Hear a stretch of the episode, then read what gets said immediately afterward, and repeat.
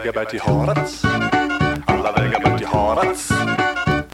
Alla vägar bär ju dit.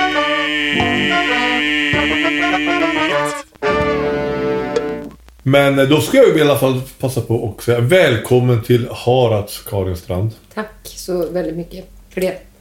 Det är första gången du är här och du är hos din syster och vi är hos din syster nu i herrgården i Svartlå. Nej, vad säger jag? Jag säger ju fel. Det finns en, det finns en herrgård i Svartlå men det här är en herrgård i Boträskfors. Ja men tack. Det är första gången men det är ju inte sista gången för att alla vägar bär ju till Harads. Har jag förstått nu Ja, när jag är det här. är alldeles riktigt. Väldigt bra. Ehm, eh, den här herrgården som vi sitter i, den har ju en liten... Känner du till någonting om den här historien som du är nu? Eh, Jag vet att eh, det har varit inte herrgård på ganska länge utan det har varit andra saker här. Mm. Och när det var herrgård så, det som jag uppförde den här byggnaden på 1870-talet tror jag, det var överste C.O. Bergman, Carl Otto Bergman, träpatron, som hade sågverk och han var även bruk, alltså ma- bergsman och han var mönsterjordbrukare och han var riksdagsman. Och han var tandläkare. Nej, det var han inte. Men han, han, eh, han, han gick den benämningen Bergman i Bothusfors och då var allt där runt omkring det var ju park kan man säga och eh, allting hängde ihop med, med herrgården för det var ett rätt stort bruk. Så det, och hans... Det är nästan som att, eftersom vi ska tala om skillingtryck nu kan man nästan säga att hans öde, eller hans barns öde är lite som ett tvillingtryck. Mhm. Han hade ett barn som eh, fick hett vatten över sig och dog av de skadorna. Men det är det vi ska prata Vi ska egentligen prata om någonting som du har pratat om i flera andra poddar. Mm, att man ofta pratar om skillingtryck som att det är en slags visa. Det är det inte. Nej, för vad är det Johan då? Man kan väl säga att det är väl som att man skulle säga att eh, nu ska jag sjunga en tidning. Ja, exakt. För att skillingtryck är... Ett, ett medium. Ett medium. En liten enkel trycksak. Mm. Och rent så här tryckhistoriskt, det kan vara intressant att veta. Man tänker ett halvark papper, om nu någon har en relation till vad ett helark och ett halvark är. Men om man tänker sig att det färdiga skillingtrycket har ungefär samma storlek som en modern Nu pocketbok. visar du väldigt bra här. Det visar jag med händerna, men, Mm, men alla vet ju hur en pocketbok Ja. i storlek ser ut. Så det formatet, och det får man då om man viker ett halvark papper två gånger. Det blir ett åttasidigt alster som Mm. är ungefär så stort. I oktavo heter det om man tycker om tryckeritermer. Okej. Mm. Det är det alltid någon som gör. Men eh, att du jobbar, att du är specialist, kan man säga specialist? Det Ja. som att man håller på med... Naturvetenskap. Ja, men du, du är ju alltså... Eh, din, eh, vad är ditt själva, ditt gebit? Vad är min Det kan du böjelse? berätta. Ja, men du, ja precis. Vad, vad titulerar du dig som? Ja, jag är visforskare. Eh, men sen är jag också chef för Svensk visarkiv i Stockholm. Just det. Och eh, intresset för skillingtryck, det, ja, men det har nog varit det som har fascinerat mig mest sista decenniet i alla fall, kan jag säga, i min egen forskning. Av allt det arkivmaterial vi har på Visarkivet. Vi har ju så himla mycket intressanta saker. Vi har ju ljudinspelningar och vi har fotosamlingar och vi har personarkiv och vi har det som allt möjligt. Men för mig personligen så är det nog verkligen skillingtrycken som, har, som jag går igång på.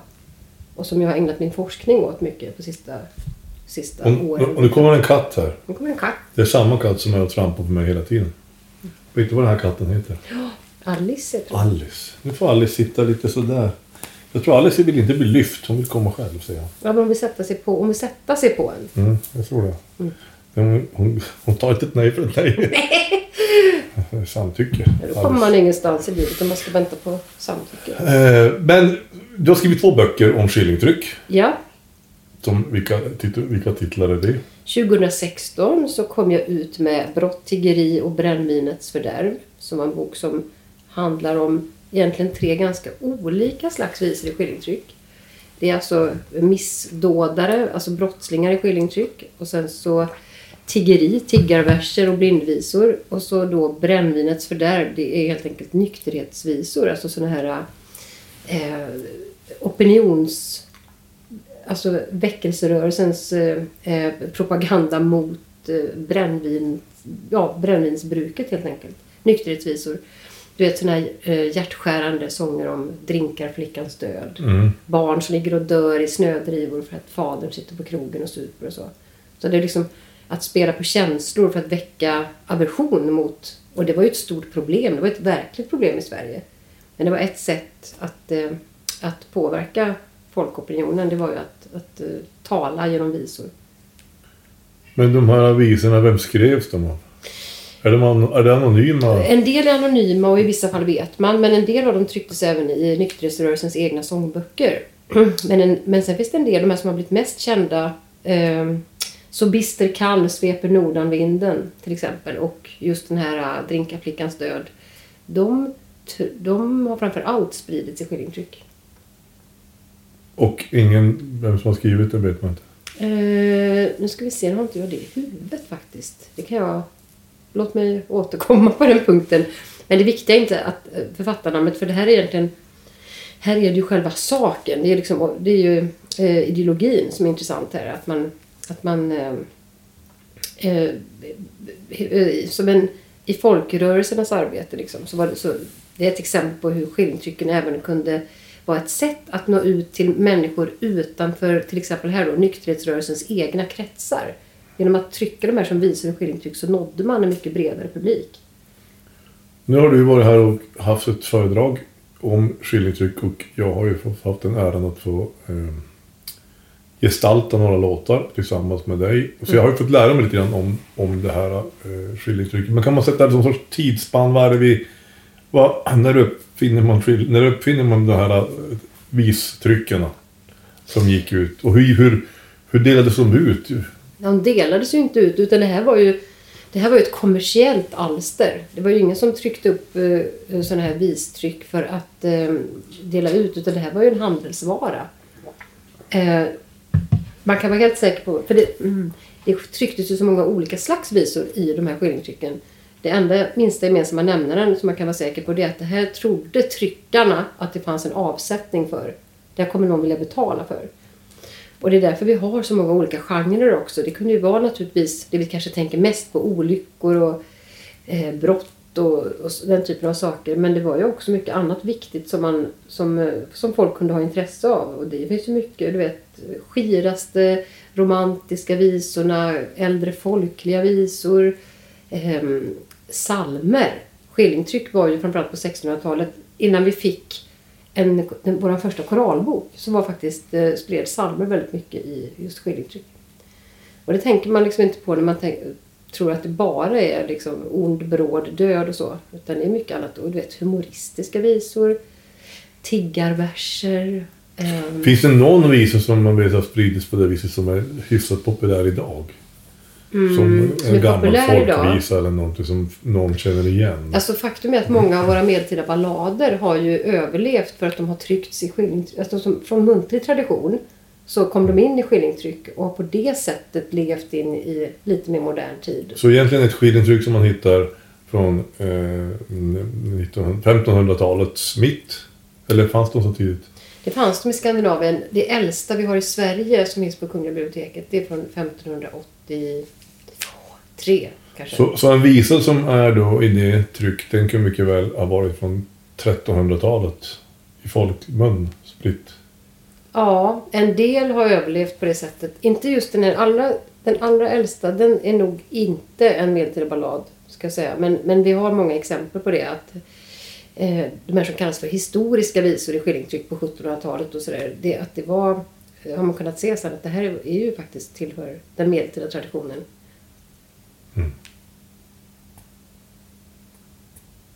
Och den andra boken då? För nu, vi, Ja, just det. Ja. Den, första boken, ja. Mm. Den här, vad, vad sa du igen? Den hette Brott, tiggeri och brännvinets och brännvinets fördärv. fördärv. Och den andra heter Den andra kom 2019 och där går jag mer in. Där har jag, liksom upp, där har jag stannat på brottets bana helt och hållet. Och där har jag liksom borrat ner mig i ett enda brott som har förekommit ganska mycket skillingtryck och som är det enda brott där kvinnor är överrepresenterade. Nämligen barnamord. Det är förfärligt. Det är förfärligt. Och den heter då En botfärdig synderskas svanesång. Och det är barnamord i skillingtryck mellan visa och verklighet heter den. Och den men huvudrubriken är ju tagen direkt från ett, eh, ett av alla eh, skillingtryck som, som är alltså en, en avrättningsvisa för en barnmörderska. Och det måste ju vara en viss tidsepok där det här är mest representerat. Absolut. Jo, för att i äldre tid ehm, brottsrapportering i skillingtryck, det har ju varit, eh, det kan man ju följa genom seklen. Det är ju lika gammalt som genren själv, höll jag på att säga. Men eh, 1600 och 1700-talets brottsrapportering, det var ju enbart nästan sådana här så kallade avrättningsvisor. Där, eh, som trycktes upp och skrevs, alltid anonymt, de flesta är anonyma, eh, eh, i, i anslutning till en, en avrättning på orten. Och helst innan. Nej, det här är intressant. För att, om man ser alltså framsidorna på sådana här äh, avrättningsvisor. De brukar vara formulerade, det brukar vara så här, ja till exempel då, en botfärdig synderskas svanesång vid tillfället när hon gick till sin avrättning och så kan det vara datum och plats och sådär för avrättningen. Men det är alltså formulerat imperfekt när hon gick till. Så att, och, och som jag har kunnat se så är det som att i Sverige i alla fall så börjar man sälja de här, det kan vara samma dag. Man kan se att de annonseras samma dag. Men att de börjar säljas när det är över. Liksom. Medan i våra grannländer, i, i Norge till exempel, deras avrättningsvisor är väldigt lika de svenska avrättningsvisorna. Men där är de oftare formulerade i futurum. Så där tror vi att de kan ha haft en mer annonserande effekt. Va? Att sprida kunskap om att det här kommer att ske. För det här var ju en stor folklig begivenhet. Liksom. Var det för att man skulle egentligen ta sig till avrättningsplatsen då? Ja. Och det här var ju ett sätt för ordningsmakten, eller för, för, för, ehm, ja, eh, för kung och ordningsmakt liksom att få folket. Det här var ju varnande exempel naturligtvis. Och det är ju det som de här visorna också handlar om på något vis. Så här går det för syndaren. Och i de här visorna så, så eh, är det ju den ångerfulla syndaren, alltså brottslingen själv, som talar, ska det se ut som. Och som då bittert ångrar sitt brott, men nu förstår och har bekänt sina synder och kommer då bli försonad genom, den här, eh, genom att mista livet. Men då har jag gjort ett, egentligen kan man säga, ett kardinalfel. För att nu när, jag, när vi pratar om att jag hade ju ett, ett förfärligt brott i min egen släkthistoria som inte fanns något skrivet, ingen visas. Då skrev jag den själv. Mm. 314 år lite sent. Ja, Men jag har ju inte skrivit den så, utan jag har skrivit den som en sorts betraktelse. Var det... Men det- hade jag blivit det- utvisad om jag hade kommit med en sån bevis? Då? Nej, det förekom ju också. Just att den här beskrivningen i tredje person. Det börjar egentligen... Jag har något exempel från sent 1700-tal tror jag. Eh, eh, Att man, även sånt där förekommer. Att det inte bara är avrättningsvisor utan att det är en slags brottsrapportering egentligen. Detta har hänt liksom. Om man beskriver brottet och brottslingen i tredje person. Det där blir ju det vanligaste sen på 1800-talet. Eh, Så att det, det är helt... eh, Kan min visa vara inom de, eh, äl, alltså de äldsta, den modernaste skiljetrycket? Ja, det, det kan jag nog garantera. att det, men vad som också händer under 1800-talet det är ju att till en början då naturligtvis, alltså vi var ju väldigt präglade av, av, av religionen. Sådär. Alltså moralen och ordningen, ordningsmakten och alltihopa. Det var ju otroligt, alltså kyrka och stat gick ju hand i hand. Och då även de här visorna, det är ju den, det är ju den kristna moralen och syn, den protestantiska synen på syndaren och sådär. Men sen under 1800-talet, i takt med sekulariseringen, så Började den redan då? Ja, man kan se det i början på 1800-talet, första decennierna in det, att då tonar det där kristna konceptet ut lite grann och istället så oron så att säga i, i visorna rör inte så mycket syndarens själ, för det är det det handlar om i de här tidiga, utan mer fokus på brottsoffer och samhälle. Förstår du? Ja. Så det blir en slags profanering. För, för långt fram i tiden pratar man ju annars om, idag pratar vi om kriminella och vi pratar om brottslingar. Det var ju istället, tidigare var det ju det här med synden och syndaren. Det var ju det som var. var. Men den här kriminella som en liksom mystisk eller eh, ond eh, andra så att säga. Alltså det, det här som samhället inte vill veta av. En avvikare, en ond avvikare. Det kommer in under 1800-talet och man börjar beskriva brottslingen i tredje person. Så det gör ju egentligen du i din visa. När du, när du beskriver det här som en utanförstående berättare. Det, är ju, det, det där blir ju vanligare då på 1800-talet. Men om man går tillbaka då till 1700-talet för att det finns ju ett uttryck, du berättar ju det idag, eh, en ganska... ja, Jag tror man måste som vrida sig tillbaka sin egen klocka och tänka sig att vi är i ett väldigt eh, kristet styrt, styrd, styrd verklighet. Och eh, det finns ju något som heter Suicide by Cup. är ju någon sorts benämning att man tar livet av sig för att... Idag ja. Ja, idag. Men du berättade något som påminner lite åt det hållet. Ja, men det är så här. det var ganska... Man kunde förstå tankebanan fast den är ohygglig. ja, precis. Nej, men så- här, så länge vi har haft dödsstraff, offentliga dödsstraff ska jag säga. Och det, det, det avskaffades ju 1870 ungefär. Men fram till dess så var ju faktiskt, apropå då att avrättningar var ju ett sätt naturligtvis för, för, för, för- för staten att göra eh, avskräckande, statuera exempel. Så här går det om man väljer fel väg och så. Men vad det också var, i alla fall i våra, eh, i, våra lutherska länder, så, hade, eh, så var det väldigt viktigt att eh, syndaren ång, eh, eh, bekände sina synder och vände sig till Gud innan avrättningen. Så att eh, man hamnade på rätt sida så att säga. Det här var väldigt, väldigt viktigt. Och det här var, tog prästerna på stort allvar och därför så fanns ju den här beredelsetiden. Från det att du hade fått en dödsdom så, så blev du eh, beredd av en präst. Då, som, som hade samtal och som undervisade och liksom som skulle säkerställa att själen verkligen hamnade på rätt ställe. Och att, att, ja, men att brottslingen verkligen ångrade sitt brott och att den trodde på Gud och sådär. Och den här beredelsetiden var jätte, jätteviktig och prästerna hade ganska stort inflytande över själva datumet för avrättningen. För avrättningen skedde inte innan fången var beredd, som det hette. Då. Men, men det innebar ju då, som du berättade, Ja, då, att och man, då- kunde söka sig till sitt, man kunde söka sig till ett dödsstraff. Exakt. För att inte ta livet av sig. Ja, exakt. För, för det var, så här var det också för en levnadstrött 1700-talsmänniska som liksom ville fly livet. Så, alltså, självmord var ju så oerhört tabu, eh, lad, eh, eh, tabubelagt. Inte bara inom, från kyrkans perspektiv utan även i folkliga föreställningar. Va? Det var väldigt mycket eh, vidskepelse och, och sånt där knutet till självmördaren. Man blev aldrig eh, fick aldrig någon ro, eh, man blev osalig och allt sånt där. Så att det, var, det skulle mycket till för att man skulle ta sitt eget liv. Eh, vad som faktiskt var vanligare i svåra tider, det var ju när det fanns dödsstraff, det var ju att man, man begick ett brott, ett dödsstraffsbelagt brott. För att eh, bli ådömd döden då. Och förutom då att man eh, eh, fick slippa livet så fick man ju också just den här beredelsetiden av en präst.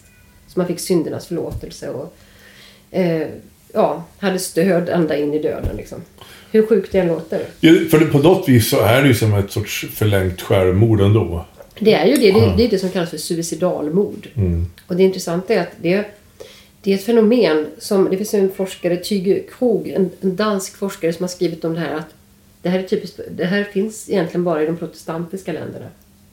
Alltså norra Europa, norra Tyskland, Danmark och Sverige eh, har man sett det här. Liksom. Och under 1600-talet, i, åtminstone i Stockholm, så var det här ett av de absolut vanligaste eh, eh, mord eh, eh, mordmotiven var detta. Att mörda för att själv få slippa livet. Men då innebär det ju att eh, någonstans då så är det inte... Ja, det är väl klart att det är rätt länge som det är tabubelagt med Självmord. självmord. Men, Ja, det, det var ju ett- det var ju ett brott. mm. Det var ju, ja, det är konstigt, hur ska, man, hur ska man bestraffa det? Men att det var det. Men det var inte minst i religiös mening naturligtvis. Man kunde inte, självmördare fick ju inte ligga på samma platser som Nej, de, hederliga kristna. Och, Nej. nej. Men hade man gjort ett suicidalmord, då fick man ändå hamna i vigd jord? Nej, kanske inte.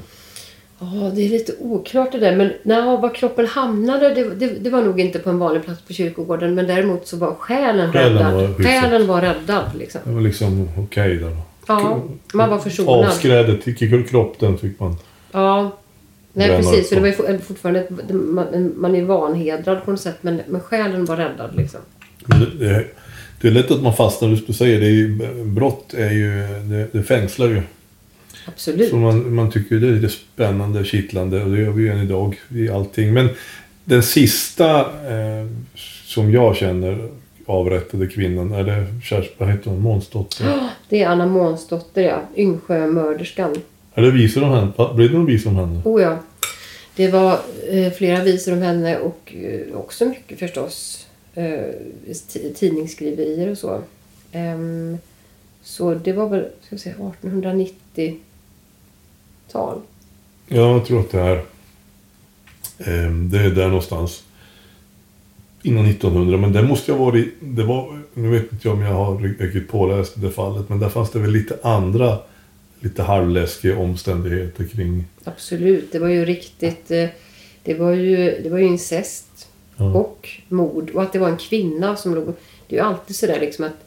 Det, mm, det, på något vis är det ju extra sensationellt när en kvinna är, är mördaren på något sätt. Nu var det väl sonen som tekniskt sett utförde men det var ju mamman som regisserade alltihopa och låg bakom. Alltså, hela, det måste ju vara väldigt tabubelagt och pratat om det. Förekommer själva den incestuösa biten? Eller Ja då, oh ja, blodskam. Ja, Ja, okej. och blodskam. Det finns ju flera avrättningsvisor i skillingtryck också om. alltså, Där man ser det. Att, att det är såna, att det. Eh, då ska man i och för sig komma ihåg då att, att incest fram till ganska modern tid. Det, det var ju ganska av, det kunde vara ganska avlägsna släktförhållanden. Liksom. Det kunde vara ingifta personer och allt möjligt som gick under det här med, med vad som kallades för blodskam eller incest. Vi har en katt som ropar rätt Ja. mycket. Hör du den? Ja, de sjunger kanske. Hon kanske försöker sig på någon sorts äh, låt. Mm. Men äh, finns det skillingtryck i, eh, alltså visor som, finns, finns det den typen av visor idag? Som har tagit den rollen? Mm. Eller är, den, är det liksom slut med det? Alltså på ett sätt tror jag att vi har... Mm, det, det är klart att det finns vis, som, kompositörer som... Ja, men, men, men, men själva funktionen. För att man kan ju tänka på skildringstryck för i och med att det är så många olika genrer. Jag tror att de förvaltas på lite olika sätt idag. Till exempel brottsrapporteringen. Där har vi både kvällspress och vi har true crime-poddar och vi har så va. När det gäller nyheter så eh, att vi i Sverige och Skandinavien eh, har den här genren med nyhetsvisor. En, en orsak till det är ju att vi hade, nyhetspressen var ganska sen i de skandinaviska länderna. Åtminstone så att vanligt folk skulle kunna komma över tidningar. Så då var ju faktiskt visorna ett nyhetsmedium. Idag har ju, vi kan ju bara öppna en mobil och, och få tag på nyheter mycket snabbare än, än att någon skulle skriva en visa om det till exempel. Det tar jättelång tid. Ja, det gör ju det. Men, men om man tittar på 1700 och 1800-talet då kunde det faktiskt vara så att lokala händelser, en brand. Det finns ju exempel på att, att vet, eller, eller Titanic för den delen också. Eh, när, I början på 1900-talet när Titanic sjönk så blev det väldigt snabbt en visa. Så det gick ju snabbare egentligen än att det skulle hinna muntligen färdas från en by till en annan. Så kunde det tryckas upp visor som någon sålde. Jag vet en ganska, eh, vad ska jag säga, modernt som, en, som snuddar vid att göra en, en, en pastisch på en, trilling, på en visor och trillingtryck och det är ju eh, Känner du till Cornelis Vreeswijk? Du som jobbar på Svenska Ja. ishockey. Ja, det gör En kille från Holland Ja, som ja, jag har hört namnet tror flyttade jag. hit Ja, som 12-åring. just. Han eh, skriver en visa som heter Mördar-Anders. ja, Och det finns ju en verklig person bakom. just det. Just det. Han heter Ander. Ja. Jaha, han var ju en av de sista som avrättades Ja. ju. Just det, det är sant. Det sägs att det ska vara han som är förebilden. Att Okej. det är Ander som är Mördar-Anders. Just det.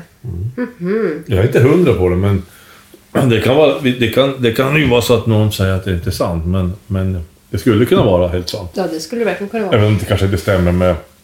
Men sen vet man inte om de här visorna var alltid helt sanningsenliga totalt. Nej, och vad jag tyckte var intressant just när det gäller sådana här som rapporterar om saker som händer så tycker jag det är så intressant att studera visan i förhållande till vad som egentligen hade hänt. Man tittar i andra källor och sådär. Eh, inte minst när det gäller då de här brottslingarna.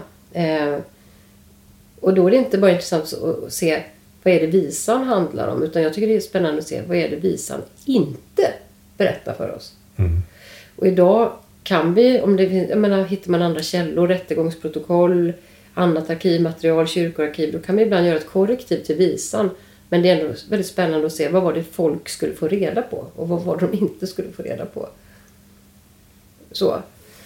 Eh, jag har ju något sånt exempel. Jag snöade ju helt in på en, en, en visa från 1860. Eh, som handlar om en, en, eh, en svensk sjökapten som hade blivit knivskuren på, av en grekisk lots eh, när, han, var- när han reste på, på sitt, sitt handelsfartyg på, på Svarta havet. Sådär. Och där, där eh, var det lite utdrag, det var det ofta på 1800-talet. Då var det också lite prosatexter insprängt, lite klipp ur tidningar och sådär. Vad, vad det hade skrivits om den här saken. Och då stod det på något ställe i det här, eh, apropå det här mordet då, så eh, stod det Vem hade blivit mördad? Det var... Kap, den, sve, Kaptenen. den svenska kaptenen Ja. var mördad av en grekisk lots som då beskrivs i visan som liksom den vilde greken som drog sin kniv mot den ädle sjökaptenen, den svenske stolte, så va. Men sen i alla fall i de här texterna som var runt omkring så förstod man att, det var utdrag ur tidningar och lite grann i protokoll och sådär, att, att, eh, att den här Antonellos hette den grekiska lotsen, att han hade då anfört mot kaptenen att han, han hade till- han hade liksom anklagat kaptenen i, för att Um, ja, det stod på något sätt så här att, att av sådan, handlingar av sådan art att de här ej kan nämnas, stod det. Och jag blev ju väldigt nyfiken och hittade till slut rättegångsprotokollen och det här. Och då visade det sig, en, då kom en, en delvis annan historia fram som inte visan kunde handla om. Nämligen att, att enligt den här greken, då hade ju, då hade ju den svenska kaptenen eh, försökt utnyttja honom sexuellt. Och det framgår i domen. Det framgår ju där. Men, Men inte det, visan. nej, det kan inte nämnas, står det liksom där. Och då fattar man, okej, enligt den här greken, han tyckte att han handlade i självförsvar. Medan visan framställer honom som den vilde, eh, svartmuskige greken som är, inte är en god kristen. Liksom. Så att det är den typen av berättelser som, ja, det säger det, det blir en slags eh, mediehistoria. Sådär. Vad, är det, vad är det som sägs och vad sägs inte här egentligen? Vad ska folk få veta?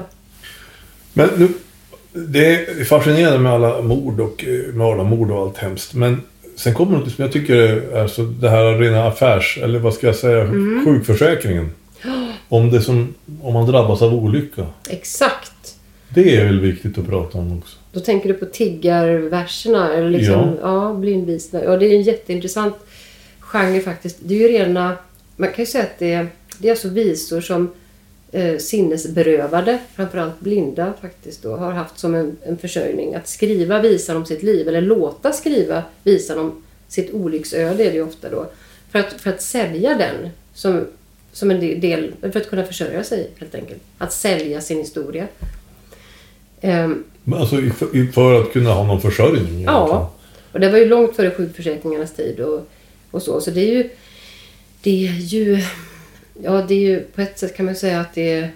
Ja, eh, en del av de funktionshindrades historia kan man säga, en socialhistoria. Men det är ju... Eh, det är också det, det är ett slags folkliga självbiografier. Även om det, där är det verkligen, om man tänker på syftet då, att sälja de där visorna. Det är för att väcka medkänsla naturligtvis. För att folk ska köpa den här berättelsen. Och då är det ju det är olycksödets biografi man skriver. Varför står jag här? Varför, varför eh, tar jag mig inte ett hederligt arbete? Och då undrar jag, eh, tjänar man något bra med pengar på det? Ja, det, det kunde man faktiskt göra. Jag vet att jag tittade på, på en av de här eh, blindsångarna. Eh, Hjalmar Wide. Ska vi se. Nej, Viktor Linderoth var det. Som var en av de här blinda sångarna som reste runt och sålde. Framförallt tror jag visade med, med, eh, trycket med sin egen visa men också andra vistryck och sådär. Och han kunde tydligen på några veckor, och detta är så 1900-talets början, eh, tjäna 600-700 kronor på några veckor. Det var väldigt mycket pengar. Det var ungefär motsvarigheten till ett helt års sjukförsäkring. Då. Men då måste det där ju nästan ha blivit, för det måste ju funnits de som har insett att eh, jag har inget jobb, jag har inga pengar. Mm. Men jag skulle ju faktiskt kunna, kanske inte fejka och vara blind men... Men något litet förstärka min synskada. bara. Ja. Jo, och just det här med spekulation eller, liksom, eller att man utger sig för det. Men då blev det ju viktigt. Många, många lät ju trycka faktiskt läkarintyg i de här vistrycken för att som intyg att det här är ett verkligt, jag är verkligt nödställd. Jag är inte bara arbetsskygg utan jag, jag har läkarintyg på vad det nu kan vara, näthinneavlossning eller att jag, ja, varför jag inte ser någonting och så. Och det är ju lite hjärtskärande men, men det var ju för att eh, det var ju för att, för, för att eh, bemöta eh, Bluff. Ja, exakt. Och, Om man nu kan kalla det bluff. Men det är det Ja. ju på något sätt. Jo. Även om man... och det var ju också ett starkt motstånd mot att blinda, nu säger jag blinda, men jag vet att man, ja, synskadade Då ska man säga. man så. Och de kallar sig själva för det Mm. också. Ehm, att det var förnedrande för de blinda tyckte då alla välgörenhet, alltså bli- blindinstituten och liksom ehm, eh, ja, välgörenhetsidkare och sånt där tyckte att det var förnedrande för de blinda själva att vara lösdrivare och vara ute och sälja. ehm, Men, men jag vet att du skriver det i din bok. Du är ganska noga med att påpeka att när du säger blinda så är det för att du använder det av den tidens vokabulär. Absolut, och att de pratar om sig själva på Ja. det sättet. Så det det är som ett historiskt begrepp. Liksom. De blinda. Ehm, för att det, ett, ett hedervärt yrke för en blind person i slutet på 1800-talet, det skulle ju vara, och det var det man lärde ut vid, vid Manila och andra sådana här liksom, eh, skolor. Det var ju de, de, de traditionella hantverken som man tyckte lämpade sig för synskadade. Och det var ju liksom att binda borstar och fläta korgar och, och, och slå rep. Men, men sanningen var att man, man ägde sig själv och man tjänade bättre pengar om man faktiskt var kringresande försäljare. Men Hur gick man tillväga då? Ja, och då, det kan man faktiskt följa genom att en och samma visa kan ha tryckts om på flera olika ställen faktiskt. För att man tryckte upp en upplaga till den orten man kom ofta. Så, och det, så man kan följa en del av de här personerna och se liksom hur de tog sig runt till olika ställen och till marknader och, och sådär. Och, och Men var de tvungna att vara synskadade och ha begåvats med en röst då? För jag menar, den ska ju, om det nu är visa så är den ju ofta som ska sjungas. Ja, men det, det var inte alltid man sjöng den. En del hade ju, det finns ju exempel på det som, så- som hade kanske med sig eh, positiv och sjöng själv och så. Men sen finns det också exempel på folk som egentligen bara visade upp sig och eh, hade med sig visa som en för, försäljare. Till till exempel, för det var, rallare var ju en sån yrkeskategori som, mm. som de levde ju väldigt farligt och där var det ju inte så ovanligt att de faktiskt förlorade synen i olika sprängningsolyckor. Och jag har flera exempel på det där att eh, eh före detta rallare som gör sin visa eller får hjälp att skriva sin visa och trycker upp den och tar sig framför allt till, till anläggningsarbeten där man spränger järnväg till sina forna kollegor och, och, och säljer historien. Och det är ju inte så svårt att leva sig in i att det där det var ju någonting som, som kollegorna sympatiserade med och själva. Det var ju en reell risk. Varenda dag riskerade man ju detta i sitt arbete. Så att det var ju en historia som, som talade till, till inte minst dem då. Och det, det, det man säger tiggar, tiggarverser, tiggarvisor. Tiggar, ja, tiggarverser, tiggar, ja. Så. Och det är, men det är alltså, de som är mest dokumenterat det är alltså de som har tappat synen? Eller? Ja, de är, de är absolut, absolut. Det finns, det finns några andra, men det är framförallt det. Så att det är nästan som en egen genre. Det, Vad, finns det, vad, fan, vad finns det? Vi har ju inne på barnamörderskor. Det, det är blind... Eller... eh, Ja, blindvisor. mm, Och sen har du... Eh, vad är det mer då? Som jag har skrivit om. Ja, Nej, men då är det också nykterhetsrörelsens nykter, ja visor. Brännvinets fördärv. och- Ja. Ja, det- är framförallt det. Och sen också överhuvudtaget alltså, mord av olika slag. och, men sedlighetsbrott. Vi pratade idag lite grann på föredraget om de här pigorna som gifte sig med varandra.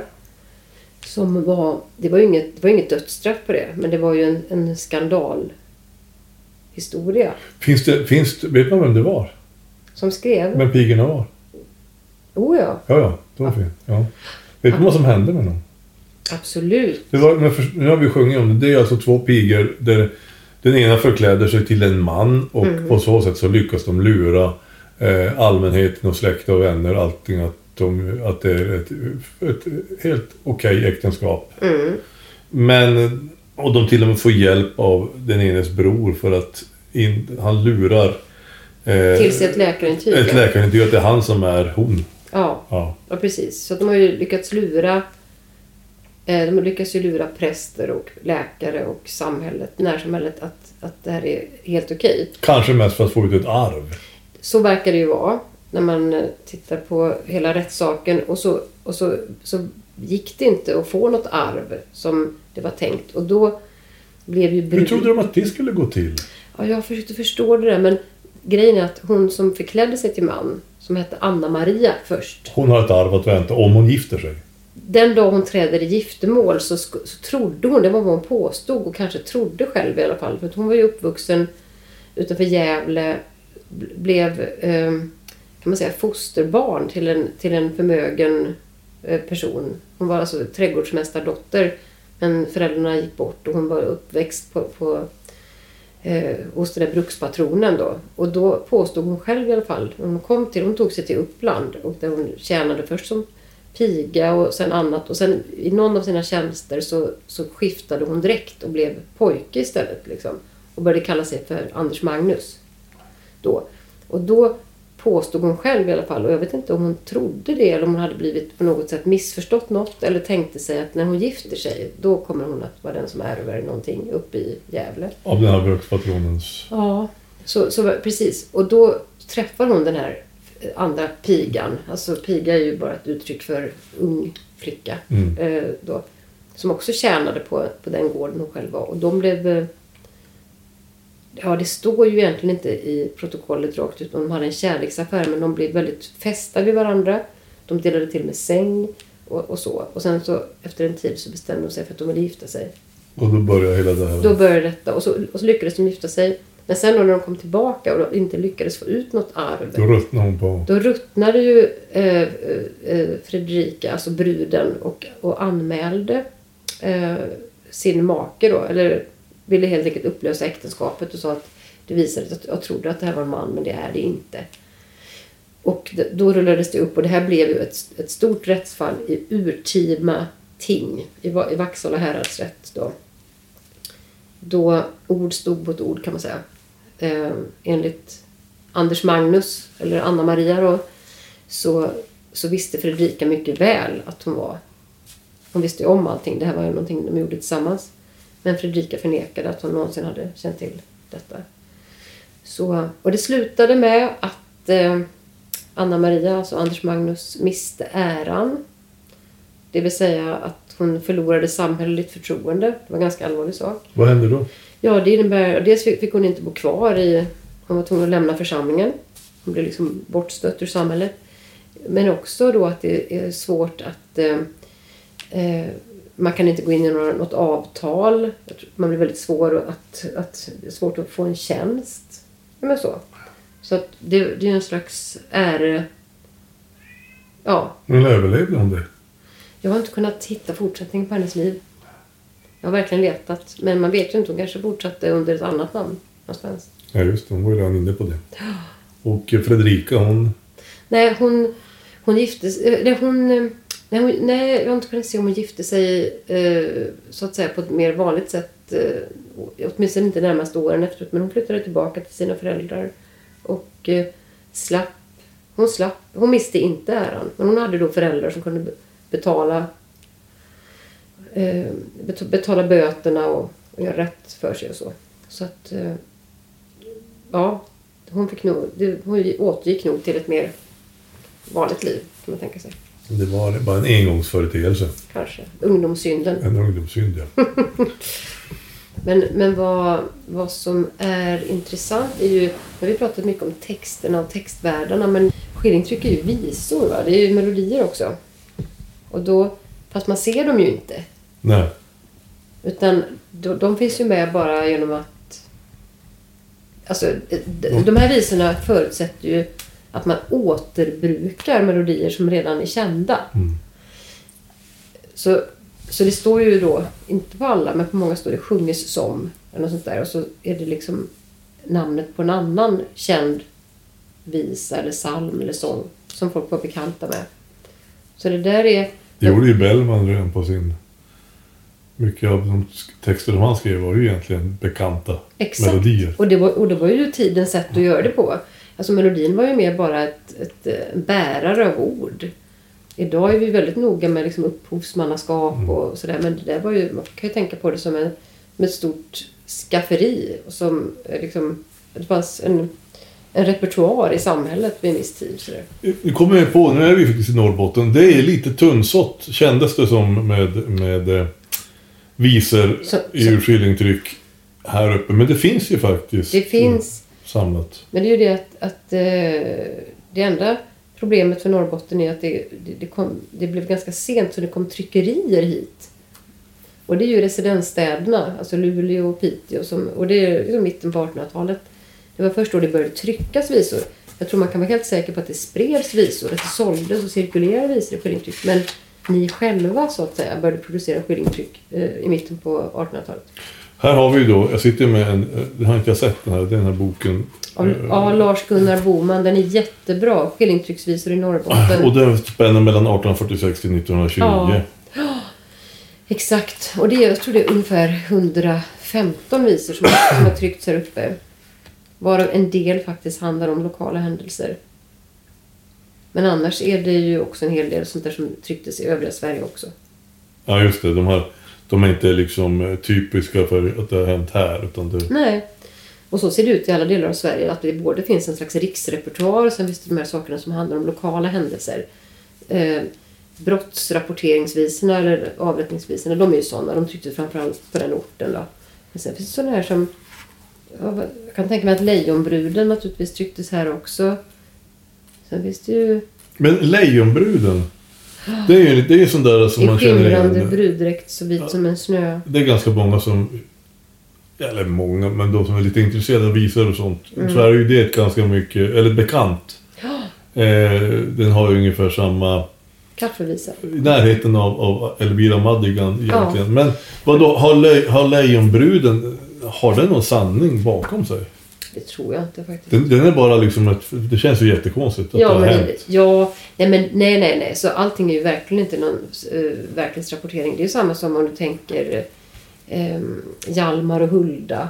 Ja, den var också en sån som spreds. Ja, nej, men det är ju såna episka visor som berättar... Så man ska inte liksom gripande ta det för att det var liksom bara nyhetsrapportering? Nej, det. nej, absolut inte. Det är, en del var det och Elvira Madigan är ett sånt exempel. Ja. Det var ju verkligen en samtidsrapporteringssak.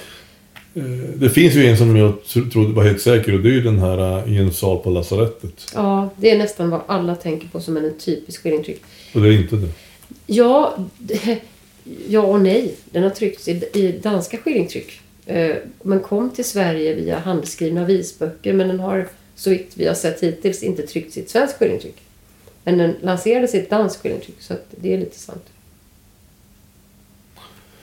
Eh, Kaffevisan, det är där som jag känner igen att jag har hört av när jag jobbade inom äldrevården. Att, att, Ja. det, att det var en annan, framförallt äldre tant som kunde börja sjunga mitt i alltihopa när, man skulle, när det var kaffestund. Ja, kaffe vet du. Det är, det är ett tema som... ehm, det har varit så mycket kaffeförbud i Sverige. Du vet, överflödsregler och allt möjligt. Och vad det nu har varit. Det har varit kaffeförbud och då... Eh, Det är man, så konstigt att man ska... Alltså för mig känns det jättemärkligt att nu ska vi sjunga, jag måste skriva en visa om kaffe. Som att, ja, nu ska jag skriva en visa om Coca-Cola. ja, fast om man skulle ta bort, ja, kanske inte just Coca-Cola, men brännvin vet du. Ja, För där har det varit så att det har varit när man har periodvis när man ska förbjuda brännvinsbränning. Och när, när du vet, olika, det har ju varit i olika omgångar att man har försökt förbjuda den egen, hembränningen och sen har man försökt reglera den. Och det har varit att, att kronan ska, att staten ska lägga sig i det här med bränningsproduktion och så. Och det är jätteroligt att, att se de visorna som, det är både för och emot det här med Bacchi och Bacchus och liksom för och emot. Och, som sen blir den moderna tidens nykterhetsvisor. Men brännvin har varit ett sånt där ämne som verkligen har debatterats i visans form och kaffe. Och kaffe också. Men, det är väl så där, men, men kaffe har man väl ingenting emot? Va? Jo, I men... visorna också. Finns Ja. det visor som är akta dig för kaffesumpen? Jag har inte blir- sett. Nej, det har jag inte gjort. Nej, Trött nej. Utan då, då är ju visorna mer som en, en reaktion på förbud. Och Ja, så. okej. Men också hur lycklig man blir när man släpper på förbudet och sådär. Men, men sen är det också en viktig grej som jag tänker, det man säger där med skillingtryck. Mm. Jag kunde, jag kunde inte gå liksom och, på byn i, eller gå i Luleå och säga, vet ni vad de säljer? Jag skulle vilja köpa ett skillingtryck. Det fanns inget som hette skillingtryck. Och då om du tänker att det var på 1860-talet. Ja. Så vad- vad skulle du säga om du skulle gå och köpa dig en, en sån? Nej, det sku, nej för det, det hette inte det. Det, det är ett nedlåtande uttryck. Det var Eller- det. Det var verkligen. Och så att de som, de som myntade det begreppet, och det var ju under 1800-talet, det var ju kritikerna som såg det här som att det här var ju smakförskämmande och liksom Har det billigt kostat en skilling någon gång? Det gjorde det kring 1800. Decennierna kring 1800, då ser man då kostade de en skilling. Och det var därför skällsordet kom upp sen. Ja. Ett skillingtryck. Ungefär som kiosklitteratur. Liksom. Mm. Billigt. Men, men de som sålde och köpte visor, de, de pratar ju inte om skillingtryck. Så idag kanske vi ska säga så att det, här, det där är ju bara ett sånt där, om inte kiosklitteratur så skulle vi säga det är ett sånt fem, 50 kronors tryck. Vad ska vi säga? Eller 25 kronors tryck. Jag vet inte vad en skilling Ja. står för. Jag vet inte vad, men det var i alla fall inte mycket, det var inte mycket pengar. Det var Ja, men- bi, lite billigt. Jag vet att man i början på 1900-talet pratade om, om um, 25-öres romantik. Till exempel när det gällde sådana här Mm. Ja, billiga kärleksromaner Ja. och sånt där. Så att, ja men något sånt. Liksom. 25 öres romantik, ja. Skillingtryck. Mm. Eh, ja, Men eh, du då Johan, vad um, tycker du är... Vad, vad förknippar du med skillingtrycks... Nej, men jag har nog mest förknippat det med att, eh, att det är lite hjärt... Alltså innan vi började som fördjupa oss i det så det varit, det var lite hjärtskärande och det har varit drinkar, flickans död och, och lejonbruden och ja, faktiskt även eh, en sal på lasarettet Ja. som, som jag trodde var... Och na, naturligtvis eh, eh, Madigan. löjtnant Sixten Sparre och Elvira Madigan. Ehm, men, men det är ju fantastiska tids... Alltså det är ju, det är ju dokument från en svunnen tid. Där man, Ja, om det. man mellan raderna kan se liksom vad som egentligen hände och, vad det egentligen var för samhälle. Och Ja men exakt. det är ju, det är ju, det är ju liksom idag väldigt intressant. Det är kanske inte något som man vanligtvis sjunger om. Sådär att man ska ha, sitta på en Nej, men som historiska källor. Och, precis. Och, och jag kan tycka att de är det på två sätt. Va? Både det de handlar om, att de liksom ger oss... Det är liksom fönster in till, eller fönster ut kanske, till, till olika utsnitt, verklighet och mikrohistoria och öden och alla sådana saker. Men, men sen så tycker jag bara detta med att... Det, jag kan inte tänka på något annat källmaterial som så direkt är riktat till en publik i samtiden. Du vet, de, eftersom deras syfte var att sälja så kan man vara helt säker på att du vet, det, det är väldigt mycket eh, det, det är väldigt mycket tidskänsla bara i hur de riktar sig till sin publik i samtiden. Liksom. För de är så otroligt i dialog med, med publiken. Så man, man får en väldigt... Eh, det är nog det närmaste vi kommer användarna faktiskt. Det är att försöka se hur, hur de tilltalas. Om du förstår. Ja. Jag tror det. Mm. Ja, nu har vi pratat ganska mycket om skillingtryck och eh, vi har ju faktiskt en visfestival här som, som eh, går av stapeln nu i juli i, på, i Edefors. Eh, ja, där kommer det att sjungas visor men det kanske inte kommer att sjung- sjungas typiska, inte det här året. Eh, det kanske blir ett annat år för du sjunger ju också. Du är ju inte bara eh, eh, skriver om visor, du använder ju visor i, ur din egen mun också. Ja, det kan Med ju... en sångröst därtill. Ja, ja. Men, men, men, men jag tycker väl att inte ska du väl missunna världen att höra din nyskrivna skillingtrycksvisa på årets festival? Eh, Det tar så lång tid så att eh, vi lever i en tid där man inte har tid med så här långa... Det känns ju som att den... Ja, så det- här, det var nog mera... Det känns som att det kan ju vara... Men jag tror att man hade mer tid att sitta och lyssna på någonting som var 20 verser än vad man har idag. Ja, men då får du tänka, det här var en tid som inte hade Netflix. Det fanns Nej, inga mobiltelefoner. Nej, det gjorde det, gjorde det inte heller. Nej, så det här var ju ett episkt berättande. Det var ju långt före liksom, film, den typen av saker. Så det här var ju... De fyllde ju, tror jag, de här visorna så många funktioner. Naturligtvis kunde de vara nyhetsmedier och allting, men också det här med bara, du vet, förströelse och underhållning. Att höra en god historia. Ja. Och då hade man tid och det fanns inte så många andra medier som konkurrerade. Och när du frågade så här, ja men vad, vad finns de här idag och så där, så tror jag att svaret är lite grann, om man kan titta på mediehistorien, att vi har så många andra medier som fyller lite olika funktioner som de här fyllde. Både när det gäller eh, ja men det här liksom långa berättelser, vi kan välja mellan filmer och, och du vet serier och vi kan titta i vår egen takt och. Vi har, vi har poddar, vi har internet, vi har... Så att jag, jag vill tro att visan försvarar sin roll ändå, men kanske på... På an- sätt. Ja, ja, exakt.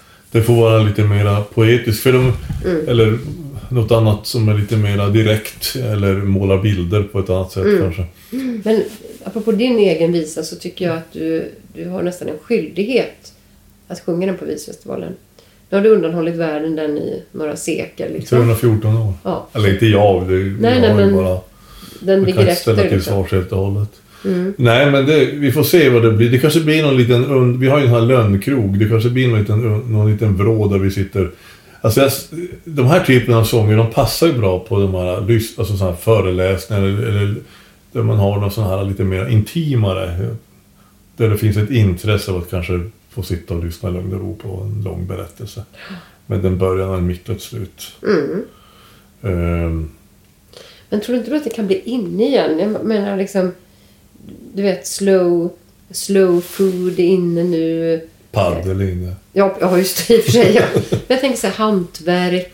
Att det, Ja, jo, alltså det- förstår du att det ligger jo. lite grann... Om man får göra en spaning så En kanske det här är det spaning nya. kan det vara eh, lite återbruk och lite byggnadsvård. Och långsamhetens lov och Ja, jo. folk ska liksom eh, downshifta och du vet, man ska ha tid med saker.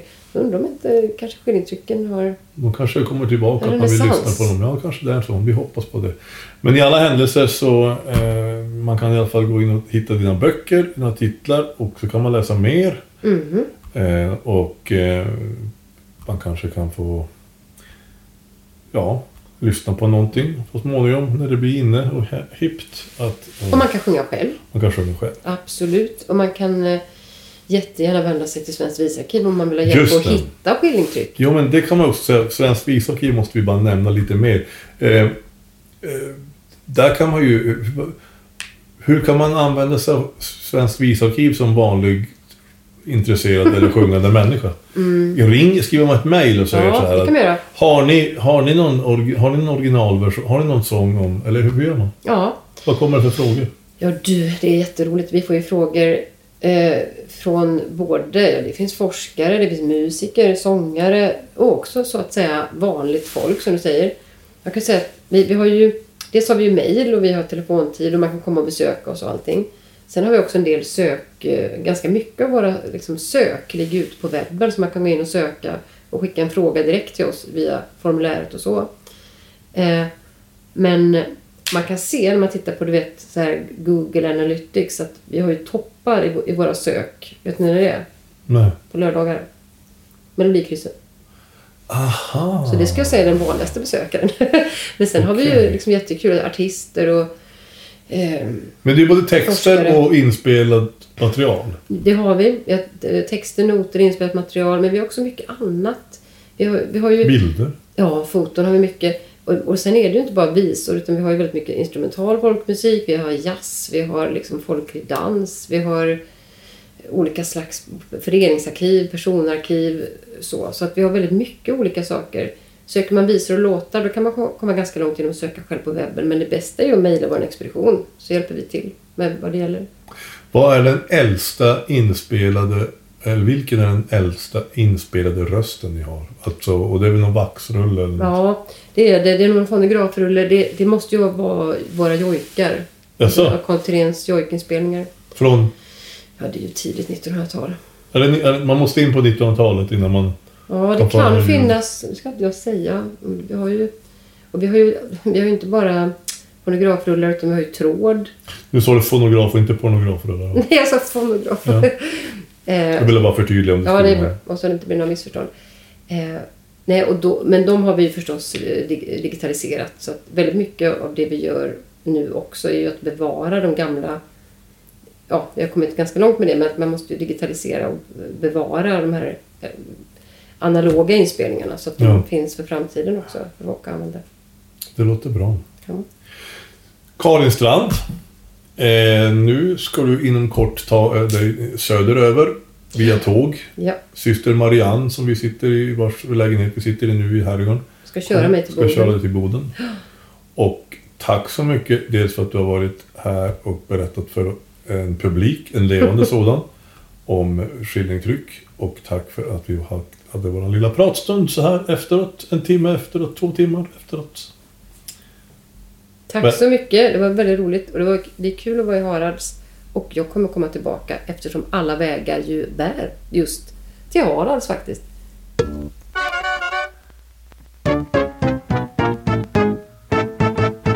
Alla vägar bär till Harads.